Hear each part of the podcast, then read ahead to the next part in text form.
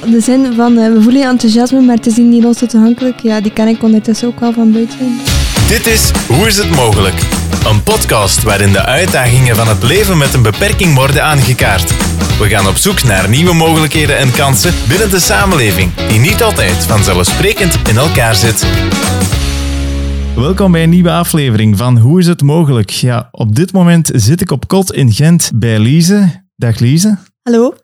Ik ben op een heel bijzondere manier bij jou terechtgekomen, want je hebt wel een heel uh, geweldig verhaal, moet ik zeggen. Bedankt. Je bent studenten digitale marketing. We zullen daar eerst eens mee beginnen. Wat maakt jou uh, die opleiding zo boeiend? Ja, ik heb al mijn bachelor marketing behaald. En, mm -hmm. um, ja, en tijdens die opleiding heb ik eigenlijk beseft dat de vakken rond het digitale van marketing mij meest interesseerde. Dus vandaar dat ik mij, dat ik mij daarin wil specialiseren. Ja, en nu ben je eigenlijk bijna van die opleiding verlost, zal ik maar zeggen. En begin je aan je stage, hè? Ja, dat klopt. Ik begin 14 februari met mijn stage. Kijk je er naar uit? Uh, ja, ik kijk er zeker naar uit om eindelijk een keer in de praktijk, te, allez, in de praktijk om te zetten wat ik altijd al gedaan heb in theorie. Dus, uh, ja. Hoe spannend was het eigenlijk voor jou om een stageplaats te vinden? Ja, het was al spannend. Um, sowieso is dat spannend voor iedereen, denk ik. Maar omdat ik in de rolstoel zit, was dat toch wel nog iets meer um, ja, nadenken. En komt er toch iets meer bij kijken qua toegankelijkheid. Dus, uh... Ja, die zoektocht, kan je dat eens eigenlijk beschrijven, hoe dat, dat eigenlijk uh, allemaal gegaan is? Ja, in eerste instantie ben ik gaan zoeken naar um, stageplaatsen die in de database stonden van de hogeschool. Mm-hmm. Maar daar bleek dan dat heel veel stageplaatsen dus niet al zo toegankelijk waren.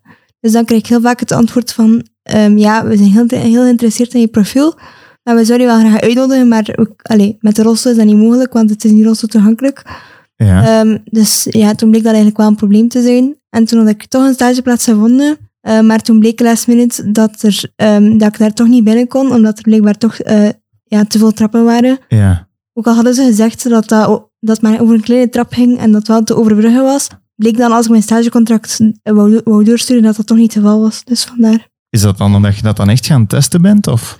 Uh, nee, ja. Door corona is het um, sollicitatiegesprek wel online doorgegaan. Mm. Dus, maar ik had wel duidelijk gezegd dat ik in Oslo zat. En allee, dat echt wel aangegeven dat het normaal gezien um, zou moeten lukken om het te overbruggen. Maar toen bleek op mail, um, hadden ze dan ook, ook, een foto van de trappen gestuurd, mm. dat het echt wel geen kleine trap was, maar echt wel een, ja, grote trap die on, onmogelijk te overbruggen valt met een heel kleine een heel kleine oplossing of zo, dus vandaar. Hoe voelt dat dan als je op die dag een, een mail binnenkrijgt en je hebt zoiets van, ja, dit draait uit op niks, gewoon omdat je gewoon niet binnengeraakt? Ja, dat is, dat is frustrerend. Hè. Dat is heel frustrerend, vooral omdat dat, ja, je hebt al zoveel negatieve antwoorden gehad en dan denk je dat dat, dat opgelost is eigenlijk, dat dat in orde is. En dan bleek dat toch les niet zo te zijn.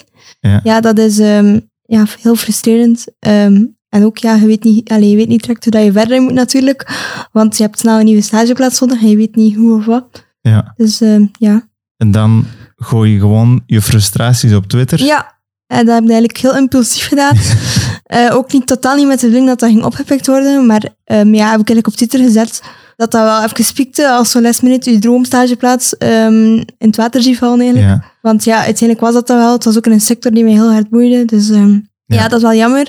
En dan is dat gewoon super veel gedeeld geweest. En dan blijkbaar door deze mensen gedeeld geweest, want dan is dat terechtgekomen bij Q-Music en heb ik daar mijn verhaal mogen doen. Wat is jouw eerste reactie als Q-Music belt en zegt van hey Lise, kunnen we jou even contacteren? Ja, ik was wel verschoten omdat ik niet verwacht had dat die tweet zoveel impact ging hebben.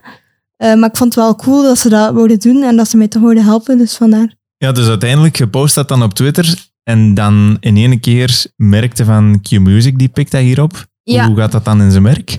Ja, dus Maarten van Quali had mijn tweet gezien en heeft mij dan gecontacteerd. En de volgende dag heb ik dan eigenlijk live op Q-Music mijn verhaal mogen doen. Mm -hmm. Dus ja. Oh, wel, want ja, het is eigenlijk simple as that. Um, Q-Music, er zit wel wat marketing achter, sociale media strategie. Ik denk dat je op zich al bij een bedrijf terechtgekomen bent dan, die, dat, dat eigenlijk wel, uh, die daar wel mee mee zijn. Ja, dat klopt. En ik had er zelf stage mogen doen.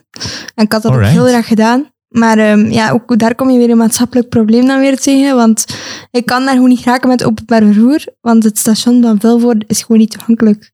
Dus Ah. dan heb ik echt wel op de radio eigenlijk ja, de stage bij Q-Music moeten afwezen of afzeggen. Oh jee. Ja, dat is jammer. Dat, dat piekt wel even. Was dat dan echt de, de marketingmanager van Q zelf die... Ja, ze hadden mij gevraagd of dat ik... Um, de marketingmanager had dan gezegd dat ik eventueel op een gesprek mocht gaan. En ja. Maarten en Dorothy hebben dat dan verteld op de radio. Ehm, maar ja, ik heb dat dus moeten afwijzen, want het gaat gewoon praktisch niet. Heb jij zelf eigenlijk heel veel last van het stereotype beeld in de maatschappij van mensen met een beperking? ik denk het wel. Ik denk dat iedereen van ons er wel, als je een beperking hebt, er wel wat last van hebt. Ehm, maar ik denk dat ik dat probeer zo weinig mogelijk mij, mij daarvan aan te trekken. Maar ja, alles dat je wilt, je wilt zo normaal mogelijk leven leiden, maar dan merk je toch dat dat in onze maatschappij niet altijd even makkelijk gaat. Dus ja. Als ik begon te solliciteren in der tijd, vroeg ik eigen zelf altijd af, moet ik dat laten weten dat ik een beperking heb? Want je hebt net al gezegd van, ik heb het wel direct gezegd, maar heb je er ooit zelf over nagedacht of dat je het zou schrijven of niet? Ja, ik heb er over nagedacht, um, omdat er inderdaad een goede vraag is van, ja, moet dat gezegd worden? Want uiteindelijk, voor de job dat ik wil doen als digitaal marketeer, heeft die beperking eigenlijk weinig invloed. Maar dan zit je wel met het toegankelijkheidsprobleem. En uiteindelijk vond ik het wel belangrijk om dat te weten, dat ze dat zouden weten. Want als ik dan naar toe kom en het is niet al zo toegankelijk, ja, dan is dat natuurlijk een beetje ambetant. Mm Dus het zou eigenlijk niet moeten, maar omdat er zoveel dingen niet zo toegankelijk zijn en dat zo vaak voorkomt dat het niet lukt, wil ik het dan toch melden, omdat ik niet voor de situatie wil komen dat je dan toch lesmeet niet binnen kunt en je sollicitatie niet kunt doen. Dus uiteindelijk heb je er dan wel veel van geleerd van deze situatie, die, die uiteindelijk in de praktijk wel geëscaleerd is, bij wijze van spreken? Ja, ik denk dat het sowieso een leerschool is om, om straks ook werk te zoeken, om te weten van hoe zet ik daar mijn sollicitatiebrief, want dat is ook zo wel even zoeken van hoe wil ik dat vermelden, want het mag niet, allee, ja. Dat mag niet de hoofdzaak zijn, maar het moet wel duidelijk zijn. En, en hoe doe je dat dan? Ja. Dus um, ja, dat is wel een, uh, een uitdaging geweest. Dus ik ben zeker blij dat ik dat wel heb gedaan. En hoe heb je dat uiteindelijk erin geschreven? Um, ja, ik heb um, allee, dat proberen zo onopvallend mogelijk te doen, zou ik maar zeggen. Ik heb dat, denk dat ik uh, dat tussen mijn karaktereigenschap heb geschreven. Van, uh, ik ben uh, bezig bij en ik zit niet graag stil of zo. Ja. Ik hou van een, ik zit niet graag stil, maar dat mag je niet letterlijk nemen, want ik zit, um, ik zit in een rolstoel. Um, ah, okay. Of zoiets in die aard. Ja, ik studeer natuurlijk ook digitaal mark marketing en ik heb ook communicatie gestudeerd, dus dan leer je wel om daar wat creatief mee om te gaan. Ja. Maar toch, het is wel een uitdaging om dat te, alleen om dat te bekijken van hoe doe je dat en, en hoe werkt dat dan. Dus er zit eigenlijk ook humor in?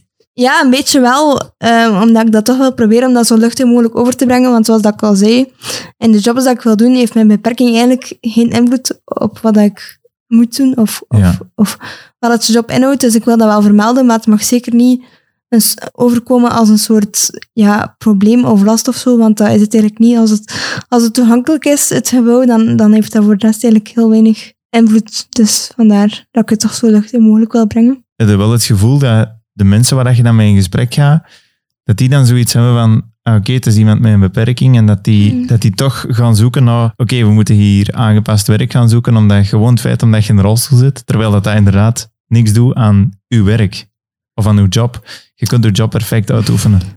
Um, voorlopig voor de stages die ik heb moeten doen, heb ik wel de indruk, eens dat je uitgenodigd wordt, dat dat dan wel als ze uitnodigen, dat ze dan wel ervoor openstaan. En dat vooral de, de drempel is, denk ik, om uitgenodigd te worden. Want eens dat je uitgenodigd bent, dan zien ze ook wel wat je zelf kan. En dan is het ook makkelijker om dat zelf uit te leggen denk dat het moeilijkste is om dat op papier over te brengen, omdat je ook weinig nuance er kan inleggen dan natuurlijk. Dus denk eens dat je uitgenodigd wordt, um, dat dan wel voor een groot stuk de drempel wegvalt.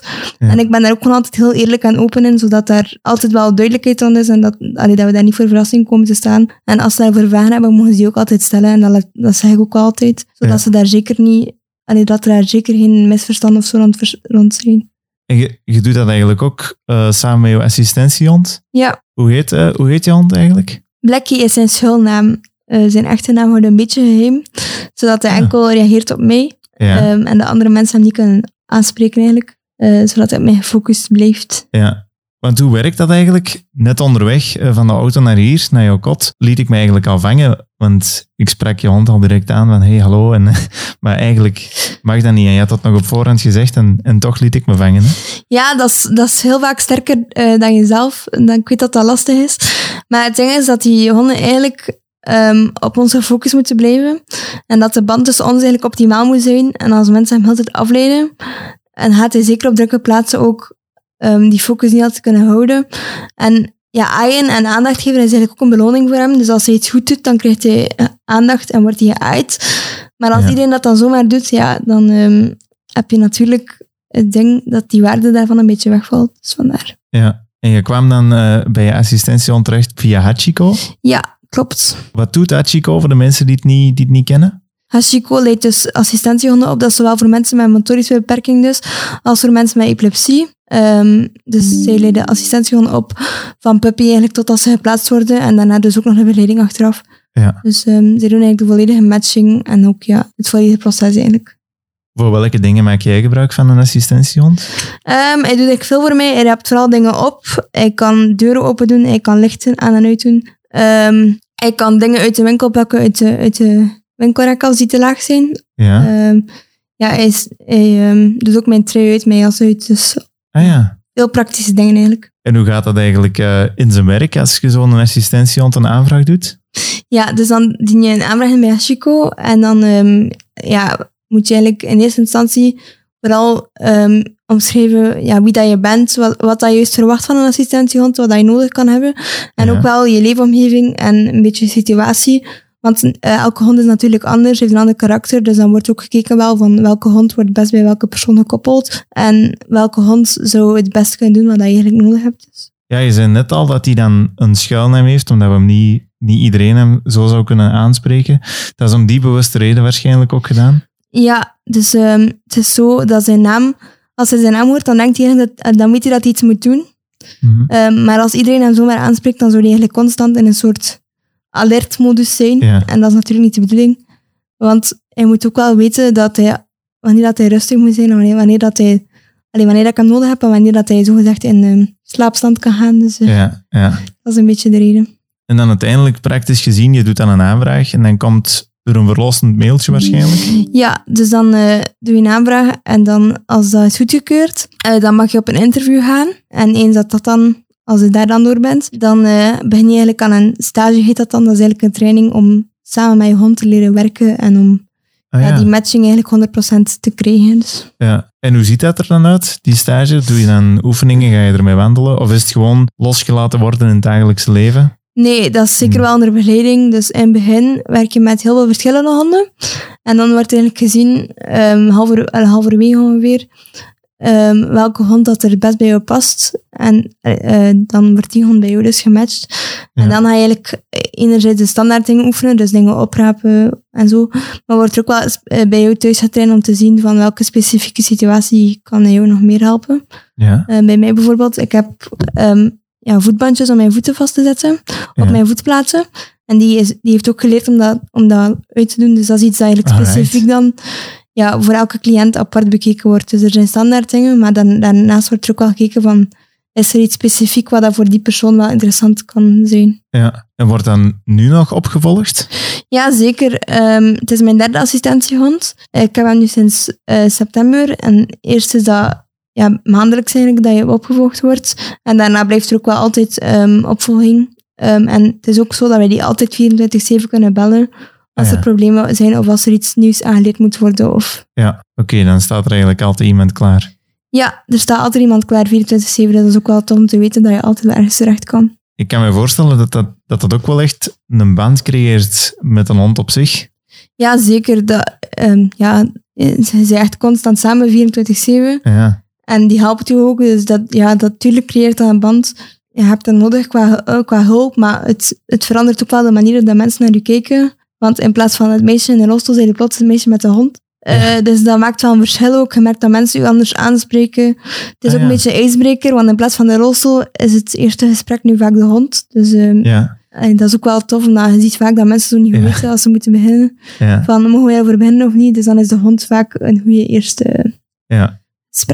Ik had mezelf eigenlijk, denk ik, voor ik naar hier reed, of als ik als gesprek een beetje aan het voorbereiden was, zelf ook laten vangen aan het feit van assistentiehonden, omdat ik dat zelf linkte aan blinde mensen. Uh, ja. Dus, Dus- Je, je moet me daar alvast uh, voor excuseren. Maar ik had, ja, nee, dat is geen ik probleem. had dat niet echt door dat dat... eh, Ja, nee, je hebt dus verschillende soorten assistentiehonden. Wat ik heb is dus een assistentiehond voor mensen met een motorische beperking, is een hulphond eigenlijk. Mhm. En een blindleidehond is een ander type assistentiehond. Dus eigenlijk heb je verschillende types assistentiehond.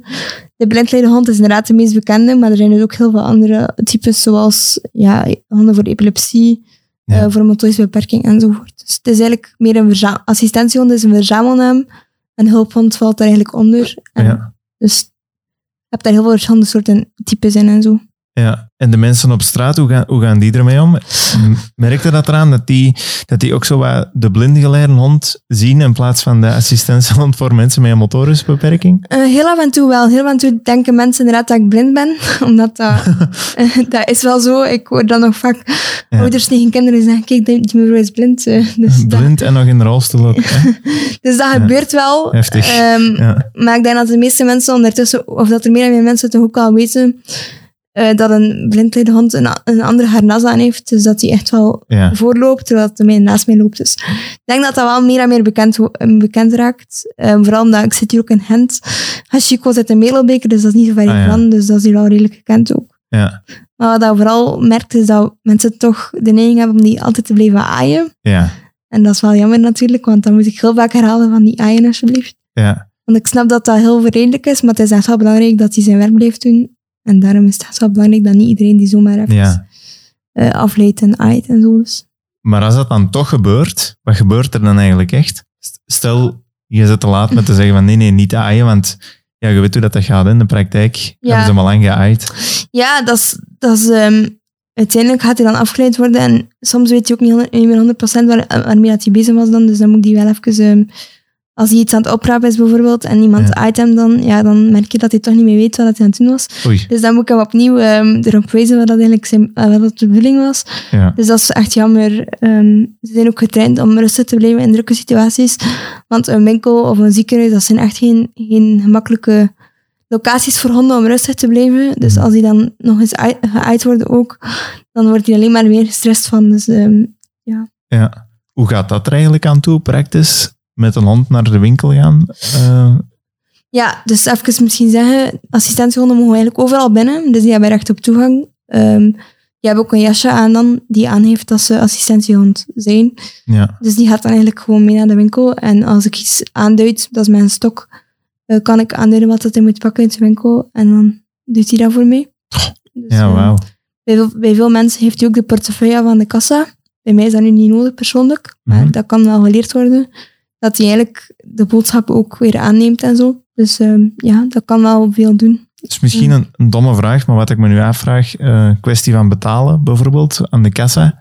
Hoe, hoe moet ik dat dan eigenlijk praktisch zien, hoe dat, dat bij, bij de meeste mensen, laten ze gewoon algemeen blijven, hoe dat, dat dan werkt. Stel dat het niet lukt om, ik denk maar aan het praktische voorbeeld van de bankkaart in de bankcontact te stoppen. Tegenwoordig is er natuurlijk ehm, contactloos betalen. Dat zal niet lukken, denk ik. Eh, de, de kaart in de, in de automaat denk ik niet dat handig wordt. Maar wat dat vaak gedaan wordt, is dat de portefeuille aan de hond wordt gegeven. En dat dan de hond eigenlijk met de portefeuille um, op de kassa springt. Uh, om met zijn voorpoten om het dan eigenlijk te geven. En dan geven de mensen, pakken de mensen het geld eruit en geven ze wisselgeld eruit. Allee, steekt ze het wisselgeld er terug in en wordt dat terug. En dan de boodschap hetzelfde. Dus de kassierster pakt eigenlijk het geld aan, heeft dan het zakje met de boodschappen. Ja. En dan springt hij er eigenlijk weer van. Is, dat, is de oplossing van contactloos betalen uh, daarvoor een godsgeschenk voor die mensen? Ja, voor mij persoonlijk denk ik ook. Want ik denk, um, ja, ik kan nu wel motorisch een, een kaart in een, in een terminal steken. Maar heel vaak staan die veel te hoog. Of kunnen daar als, als persoon in rolstoel eigenlijk niet aan. Dus dan is contactloos betalen wel handig. Want dan kun je gewoon zeggen tegen de, tegen de kassierster van leg mijn kaart eventjes tegen. In plaats van dat je de pincode moet delen met iedereen. Dat is natuurlijk niet zo handig. Ja, dus heel vaak zeg ik dan gewoon tegen de kassierster van hey, uh, leg gewoon de kaart erop en dan heeft hij dat terug. Ja. Dus op dat vlak is dat zeker wel een oplossing. Um, dus ja, ja, dat is zeker een vooruitgang. Maar het is natuurlijk nog altijd het beste dat gewoon alle terminals ja. op hoogte van de rolstoel staan. Want uiteindelijk ja, moet je altijd die bankkaart aan een vreemd persoon geven. Ja, ja. Allee, natuurlijk niet iedereen, allee, veel mensen hebben, niet veel mensen hebben daar slechte bedoelingen mee. Maar toch, het is toch leuk als je het zelf kunt doen. Hè? Ja, absoluut. Um, Want ja, je zegt net al, hè, je krijgt wel wat bezien, zal ik zeggen. Um, als je gaat winkelen met een hond, altijd aandacht van de mensen, mensen die kijken.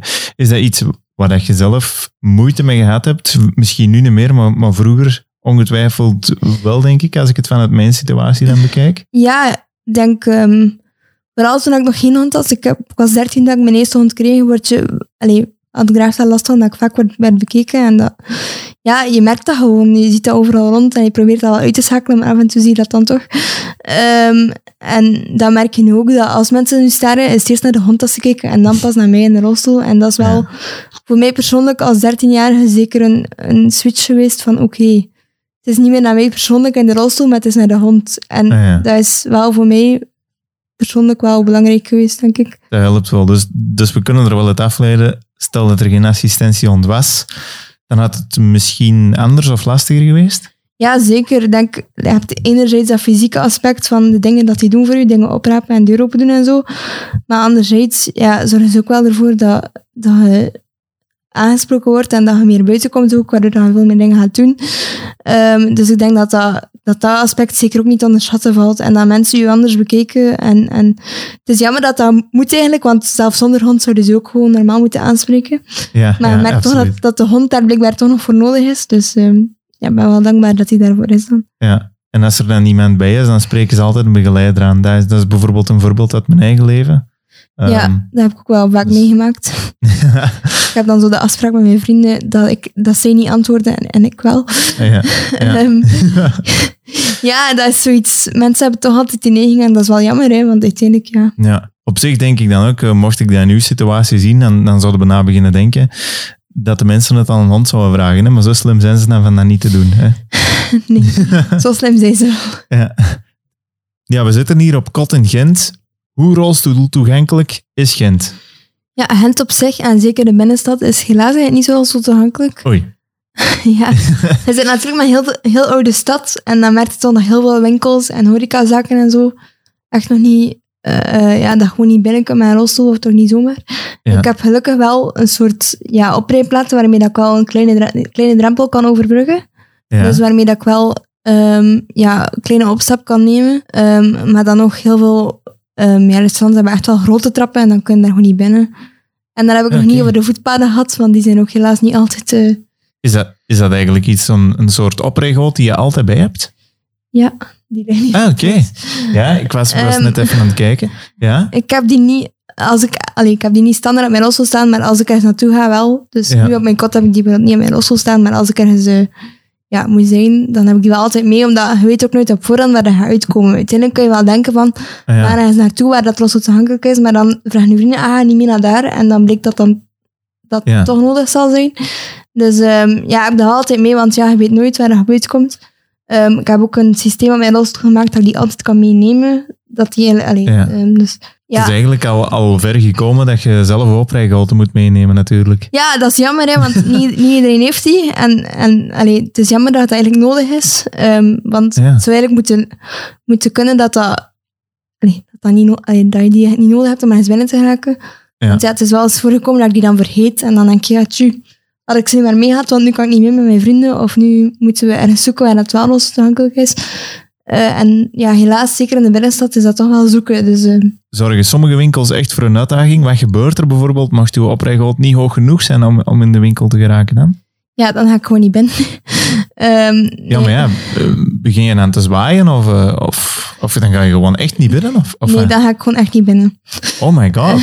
Omdat ik vind dat een beetje ja, vervelend of zo, om dan buiten te moeten je bestelling doen en dan, dan, Ah, ja. dan moeten ze naar binnen gaan. Dat is zo wat awkward. Dan ga ik liever naar iets anders waar dat ik wel binnen kan. Of dat is dan misschien het voordeel van ook het online geven. Ik kan natuurlijk Ja. ook veel online doen en online shoppen. Ja. Eh, maar ik ga persoonlijk bijna nooit ergens buiten staan om dan zo door te geven.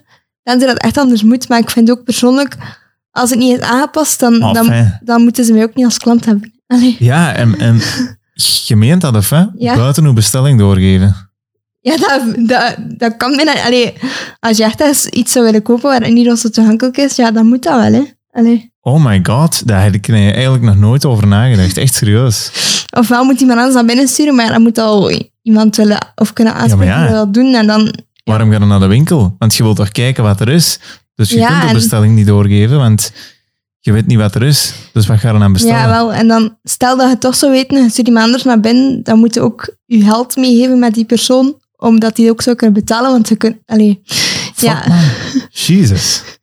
Ja, dat is echt wel... eh, zo had ik het nog nog niet bekeken. Dus daarom, als Oh het my niet zo God. toegankelijk is, ga ik niet binnen. Allee, of dan bestel ik er ook niet, want dan is dat gewoon heel gedoe.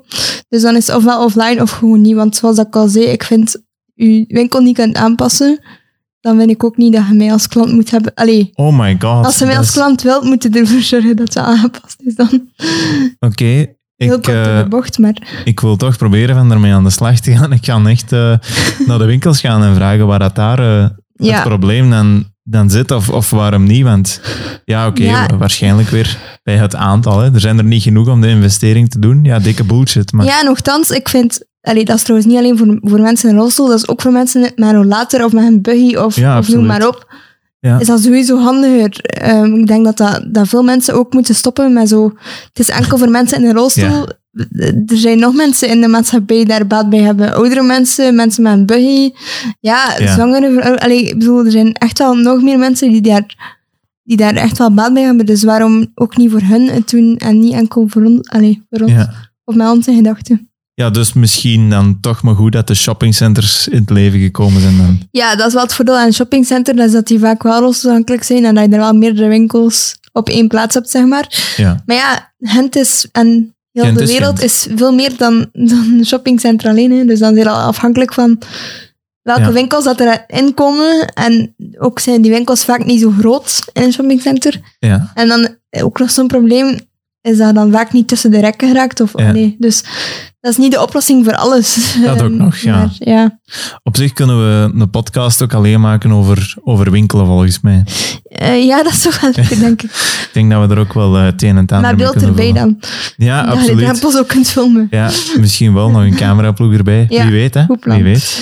Ja, maar uiteindelijk, wat dat wel positief is, moet ik zeggen, als ik hier aankwam, ik had wel zoiets van, wauw, dat is wel... Ja, dit kot is wel eh, een goed kot waar ik nu zit. Het is ook het enige, enige aangepaste kot in Gent. dus dat is ook Ja. wel weer... Daar gaan we weer. Ja. Allee, vooruit. Eh, nee, dat is in home van de universiteit. Dus ik zit hier zelf aan de Aardwel Hogeschool. Maar omdat ik een functiebeperking heb, mag ik hier wel ja, ehm, zitten als student. Ja. Eh, en hier zijn dus een aantal aangepaste koten op selectvloers, die dan aangepast zijn in de zin dat de keuken een stuk aangepast is en dat er ook een ehm, automatische deur is om- binnen te komen. Dus, ehm, Ja. en bijvoorbeeld een, een zitje in de douche, want dat is ook iets heel belangrijk. Heel, heel vaak zijn douches zo ja, in een douchebak, of hoe zeg je dat? Ja. Dus dan is het moeilijk om daar met je rolstoel in te rijden. Ja. En dit is nu eigenlijk een inloopdouche, waar dat er dan een stoel in, stoel in voorzien is, waar dat je eigenlijk gemakkelijker ehm, Ja. Ja. Hoe, eh, met een rolstoel in kan. hoe is dat dan, dan eigenlijk gegaan? Dus je zegt van oké, ik ga studeren aan de Ertevelde Hogeschool en is dan het eerste waar je aan denkt, ik moet eerst een kot vinden dat aangepast is, wat dat dan uiteindelijk ook niet, ja, niet blijkt gevonden te kunnen worden, of tenminste één ervan. En dan misschien nog zelfs hopen dat er plaats is, want ongetwijfeld zijn de wachtlijsten weer ongelooflijk lang. Of, Ehm, ja, ik, toen dat ik begon- ben ik om verder te studeren, wist ik eigenlijk al, via Hashiko kende ik iemand die al een paar jaar geleden al ehm, op kot had gezeten, dus ik wist dat er hier een mogelijkheid was. En dan ben ik via hem eigenlijk contact beginnen opnemen en vragen hoe dat, dat juist in elkaar zat. En dan ben ik zo bij de universiteit terechtgekomen en heb ik inderdaad geluk gehad dat er toevallig nog plaats vrij was. Want als Ja. alle koten vol- volzet zijn, ja, dan... Ja, er moet plaatsen natuurlijk, hè. Dus, ehm, ja, absoluut. En dat was er dan gelukkig. ja, dat was er wel. En het voordeel dat je hier ook wel hebt, is dat er ook wel een soort omkaderingssysteem is. Waardoor, dat mede, waardoor dat eigenlijk verschillende medestudenten instaan om bijvoorbeeld te helpen met bijvoorbeeld bij mij de afwas doen of boterhammen smeren of mijn eten opwarmen. Ja, Dus dat wordt eigenlijk, ehm, ja, iedere semester wordt dat eigenlijk besproken, zodat, die, allee, zodat degenen die hulp nodig hebben eigenlijk ook wel hulp kunnen, kunnen oproepen, zogezegd. ja, Dus dat is in een chat waar dat wij in werken. En dan als we hulp nodig hebben, dan vragen we dat. ja. En dan komt er iemand af als die kan natuurlijk. Ehm, maar dat is, dus, allee, dat is ook wel een zeker, zekerheid dat ik zeker nodig heb. Ik kan goed mijn plan trekken. En Ja. er komt wel verpleging, maar je hebt toch nog altijd bepaalde dingen nodig dat je hulp bij nodig hebt. En op een gewoon kot zijn er niet altijd zeker dat je dat ja. kunt krijgen. En dat, heeft, allee, dat is hier wel het geval. Ah ja, zo. Oké, jullie helpen gewoon elkaar. Ja, dus het- op Selectvoer zitten vooral mensen met een beperking. Ja. Maar er zijn hier ook nog allee, er zijn vier verdiepen. En allee, ook nog een aantal mensen op Selectvoer wel, die hen eigenlijk vrijwillig inzetten om ons te helpen als het nodig is. Alright. En Ja. er zijn bepaalde mensen die dan een vast moment doen, dus die op een, bijvoorbeeld op de dinsdagavond eh, komen helpen. Maar er zijn ook mensen die bijvoorbeeld enkel als we hulp nodig hebben en ze kunnen komen, dan komen ze af. Dat is voor mij, dit verhaal dat ik nu hoor, dat is inclusiviteit. Ja, dat is inderdaad wat dat inclusie zou moeten zijn overal. Of dat is inderdaad waarvoor dat inclusie staat in mijn ogen. Maar uh, ja, het wordt inderdaad vaak verkeerd gebruikt. Hè. Hoe kijk je er eigenlijk zelf naar? Hoe, hoe we nu bij wijze van spreken het woord inclusie gebruiken? Want het is een bijzonder hip woord. Maar ik heb zelf het gevoel dat er eigenlijk dat dat fout gebruikt wordt. En, en dat hebben we ook al gehoord in onze podcast. Dat dat eigenlijk ja, een, een mediawoord is geworden eigenlijk. Hè? Ik denk dat dat een woord is geworden die heel vaak heel graag gebruikt wordt om zo uh, te willen duidelijk maken dat, dat een bedrijf of een, of een um, of iets ja, echt wel open wil staan voor iedereen. Maar als dan puntje bij paaltje komt, eh, blijkt dat dan toch niet zo te zijn. En blijkt, allee, zeker als er een kost aan vasthangt, dan zie je heel vaak dat er dan toch, dat dat toch, allee, het wordt graag gebruikt, maar als dan puntje bij paaltje komt, dan ja, zie je toch dat dan nog niet echt in de praktijk wordt gebracht. Dus, um... Ja, en wat maakt eigenlijk voor u dat een beperking um, ja, er vaak voor zorgt dat je niet alle kansen krijgt? Goh, ik denk dat het probleem met is dat wij wel proberen om zo goed mogelijk met onze beperking om te gaan en dat meestal ook wel lukt. Maar dat probleem is dat de maatschappij er vaak nog niet is op aangepast en dat dat de remming heeft. Want uiteindelijk, als het dan moet hebben over de stageplaats bijvoorbeeld, ik kan mijn job perfect uitoefenen, anders had ik die opleiding ook niet gekozen. Maar het is gewoon het feit dat niet alles zo toegankelijk is, bijvoorbeeld, dat dan wel zorgt dat het wel een drempel is. Dus ik denk eigenlijk dat de beperking veel minder een drempel is dan de maatschappij op zich, die, hoe dat die daarmee omgaat. Ja. Dat daar een beetje het probleem zit. Dus volgens jou niet echt de manier waarop dat mensen er ook naar kijken? Jawel, ik denk um, dat dat ook een deel van het probleem is. Want uiteindelijk, als, als iedereen dat belangrijk zou vinden dat de maatschappij wel toegankelijk is en als mensen ons gewoon als normale burgers zeg maar, zouden bekeken, dan zou alles ook wel veel sneller aangepakt worden. Maar dat wordt niet nieuw gedaan, want ja, ja. we zijn zo gezegd met niet veel en het is de moeite niet, terwijl er eigenlijk wel heel veel mensen zijn die wel... Uh, ja. Dus ik denk dat, dat het daar allemaal mee begint. Als mensen het, ander, het gewoon zouden gaan bekijken, echt als gewoon een burger zou zien en ons gewoon zo, zo alle kansen zouden willen geven, dan zou er ook heel veel veranderen. Dus ik denk dat het daarmee eens begint met de manier dat mensen er naar kijken. En dan... Zijn er zo problemen nu, wat je zelf in het dagelijkse leven tegenaan loopt, dat je zegt van, goh, dat is nu echt iets, dat erger ik mij zo, al zo lang aan, dat ik zoiets heb van, dat moet opgelost worden, of op zijn minst bespreekbaarder worden? Goh, ik denk dat er veel dingen zijn, hè. maar um, ja, het is gewoon zo. Nee, er zijn veel dingen, maar ja, ik denk sowieso, voor mij dan is openbaar vervoer wel iets heel belangrijk, omdat ik zelf niet met de auto zou kunnen rijden. Ja. En dan herinner ik me er altijd aan dat dat op voorhand moet aangebracht worden. Dan is, moet het altijd gepland worden, terwijl je wel ziet dat dat in andere landen wel kan zonder reservatie. Dus het is wel mogelijk, maar de investering moet dan gedaan worden voor aangepaste treinen. En zelfs als er nu nieuwe treinen worden, worden aangekocht, dan zie je toch dat dat nog niet overeenstemt met de perronhoogte. Dus dan heb ik iets van hoe is het mogelijk? Ik snap dat, ja, voilà, hoe is het mogelijk? ik snap dat oude treinen wel nog altijd gebruikt moeten worden, maar als je dan nieuwe aankoopt, is het misschien handig om daar dan wel bij stil te staan, zodat dan op termijn alles toegankelijk wordt. Maar zelfs dat wordt dan met de nieuwe treinen nog niet bekeken. Dus. Wat maakt eigenlijk volgens u dat, dat het in ons land net nog niet zo ver staat dan, dan bijvoorbeeld in andere landen? Oh, ik kan dat moeilijk inschatten. Ik denk ja, inderdaad, de mentaliteit een beetje van de mensen, denk ik. Ik denk dat er veel landen zijn waar dat ze misschien daar iets opener voor staan, terwijl dat België zo... Ja. We steken het in een doolpot. Ja, voilà. Ja, en we zien wel. dat dat een beetje het probleem is. Ze geraken er wel, maar het is gewoon vervelend. En wij hebben er geen last van, want ze zijn met te weinig. Voilà. Dat is Dat wordt gezegd, maar uiteindelijk denk ik dat er heel veel mensen met beperking zijn, maar dat dat gewoon, ook omdat de maatschappij nog niet 100% toegankelijk is, ook gewoon gewoon niet opvalt, omdat we heel vaak niet kunnen buiten komen, want ja, dat lukt gewoon niet. Dus dat is een beetje een visuele cirkel. Hè. Want, Omdat het niet aangepast is, komen we niet buiten. En omdat we niet buiten komen, ja, we zijn met te weinig. Ja. ja. absoluut. absoluut ja. En, en je zei er straks ook al dat er, dat er toch heel veel reactie is gekomen op uw, uh, op uw stageaanvraag en op uw interview. Ja, um, heel veel reactie. Ik ben heel blij dat dat, om te zien dat dat zo ja, hartverwarmend onthaald werd, zeg maar. Um, ja, heel veel reactie. En er ook heel veel mensen geschrokken zijn van... Allee, dat ze er nog, nog nooit bij stilstaan en dat dat effectief een probleem was. En dat ik zo hopelijk nu al wat wakker gezet met mijn verhaal. Ja.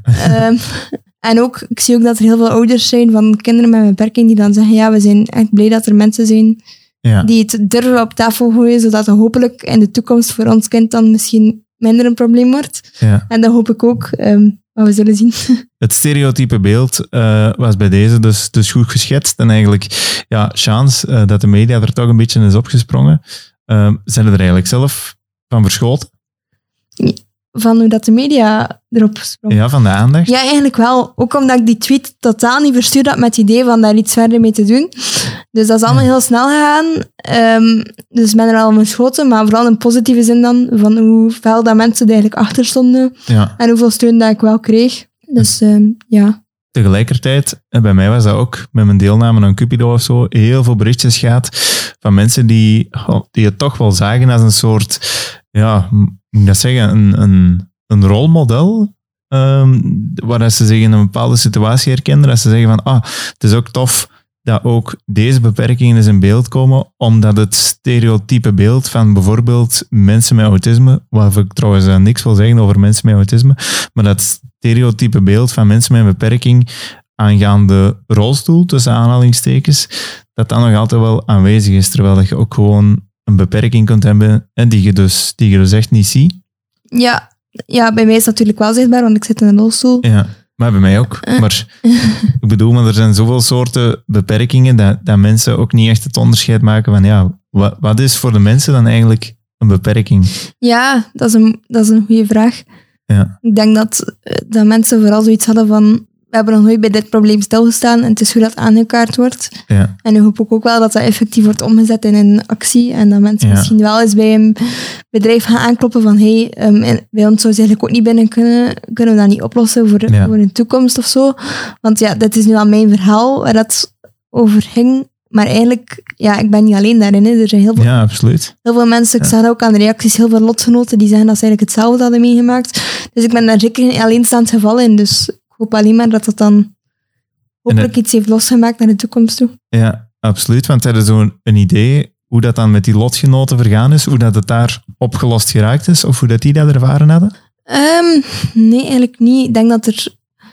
ehm, nee, dat weet ik eigenlijk niet. Want ja, Ja. heel veel mensen ehm, hebben dan bijvoorbeeld geen stage gedaan. Dat weet Oei. ik wel van, van twee mensen dat ik ken, die, eh, die dan geen stage gedaan hebben, dat dat niet verplicht was.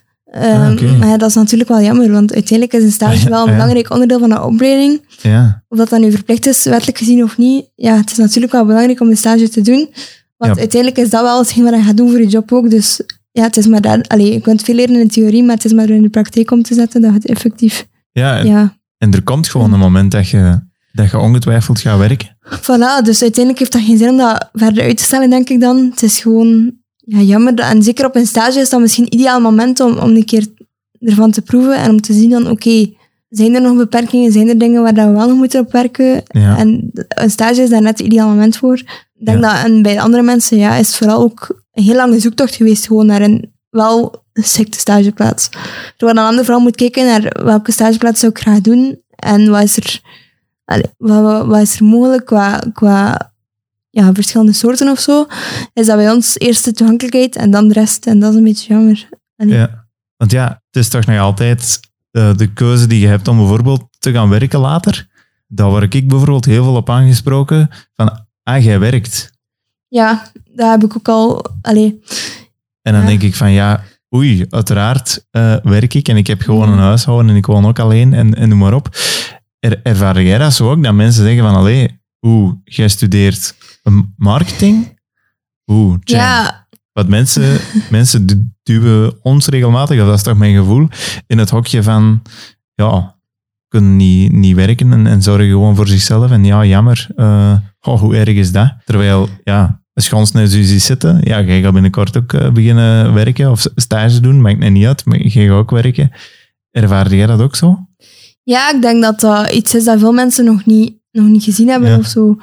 En dat dat zo het stereotype beeld is van, ah ja, die mensen gaan naar school en als ze 18 zijn stoppen ze. En, Ja. maar ik denk dat dat net is wat ik wil verbreken. En ik denk dat heel veel mensen met een beperking wel echt potentieel hebben om, om iets te betekenen in de sector waar dat ze in willen verder gaan. En dat die beperking daar eigenlijk geen... Ja. Allee, niet per se invloed op die ambitie mag hebben. Of, Q-Music is dan eigenlijk niet gelukt omwille van ja, toegankelijkheid, zal ik maar zeggen. Maar is dat wel iets dat je, dat je graag had gehad, een job letterlijk in de media, bijvoorbeeld een tv-wereld of, of ja, gewoon een job in de media in het algemeen? Ja, niet per se op de voorgrond, maar denk backstage dat dat mij zeker wel interesseert. Maar het is ook gewoon, ja, praktisch gezien met mijn beperking, Ja, ja, bots je daar wel tegen, tegen ja, drempels, zal ik maar zeggen. Want het moet fysiek ook gewoon lukken en dat is helaas iets dat niet mogelijk is. mhm. Ehm, maar ja, die marketingwereld sluit daar gelukkig wel wat bij aan. En, en dus ja, ik vind dat wel leuk. ja. Droomde soms van, van een leven zonder rolstoel? Goh, ik denk dat we allemaal wel eens doen, maar ik probeer daar zo weinig mogelijk bij stil te staan, want uiteindelijk moeten verder met het leven dat je nu hebt. Ja. Ehm, maar ja, ik denk dat we allemaal wel eens gedaan hebben, zeker als we jonger zijn. Ehm, Ja. En uiteindelijk, qua job, stel je voor, nu ga je op zich zoeken naar een, naar een job in bijvoorbeeld marketing of een zittende, zittende job. Maar als ik nu echt u mag laten dromen, wat was dan uw ultieme droom geweest als er geen beperkingen zijn?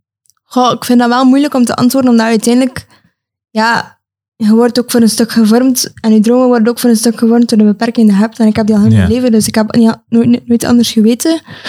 Ehm, maar ik denk sowieso iets in die mediawereld of iets in de productiewereld, dat dat wel iets was geweest waar mij zeker interesseerde. Dus ja, Je hebt een, een tijdje geleden jouw oproep gelanceerd.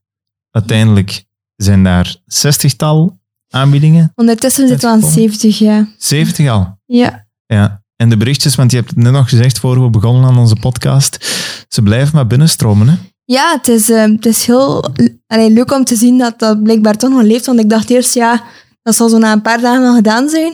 Ja. Eh, maar het blijft toch wel, wel leven. En dat is wel leuk om te zien ehm, dat blijkbaar toch nog altijd gelezen wordt en nog altijd opgepikt wordt. En dat mensen er nog altijd raakt, aangezien als ze de moeite doen om een mailtje te sturen. Dus eh, ik ben altijd heel dankbaar voor alle reacties die ik kreeg. Wat doe je eigenlijk met die 69 anderen? Ehm, ik heb proberen iedereen te beantwoorden. Dat is niet geen simpele opdracht geweest, want ik heb op heel veel verschillende kanalen en in spammails en, en zo ook veel gekregen. Ik heb proberen iedereen te beantwoorden en vooral duidelijk willen maken dat ik heel dankbaar ben en dat ze mij een optie hebben gegeven. En ja, sowieso, ehm, na een stage komt ook nog werk, dus wie weet eh, zijn er daar ook nog kansen in. Dus Wat verwacht je zo van je stage? wat verwacht ik van mijn stage? Goh, vooral dat ik ehm, heel veel ga leren, want ja, in de theorie is het leuk, maar in de praktijk denk ik dat je toch nog veel meer leert dan eh, in, de, in de boeken, zal ik maar zeggen. En dat ik ook gewoon ja, eindelijk kan doen waarvoor dat je echt studeert. En denk dat dat gewoon... Allee, ik kijk er echt naar uit om zo de voldoening daarvan te voelen. Dus Ja, ah, wel, ik wil jou heel veel succes wensen met de stage. bedankt. En eh, uiteraard blijven we dat gewoon graag volgen. Hè? Ja, Dus ik zou zeggen, tot de volgende keer. En merci dat ik even mocht langskomen. Dit was Hoe is het mogelijk? Heb je na het beluisteren van deze uitzending vragen of wil je reageren? Dit kan via onze website hoeishetmogelijk.be. Ben je stiekem al benieuwd naar meer? Abonneer je dan en krijg een melding elke keer een nieuwe aflevering online verschijnt op jouw favoriete streamingkanaal. Doe je liever zelf jouw verhaal? Laat het dan weten via info.hoeishetmogelijk.be en wie weet maken wij binnenkort samen een nieuwe aflevering.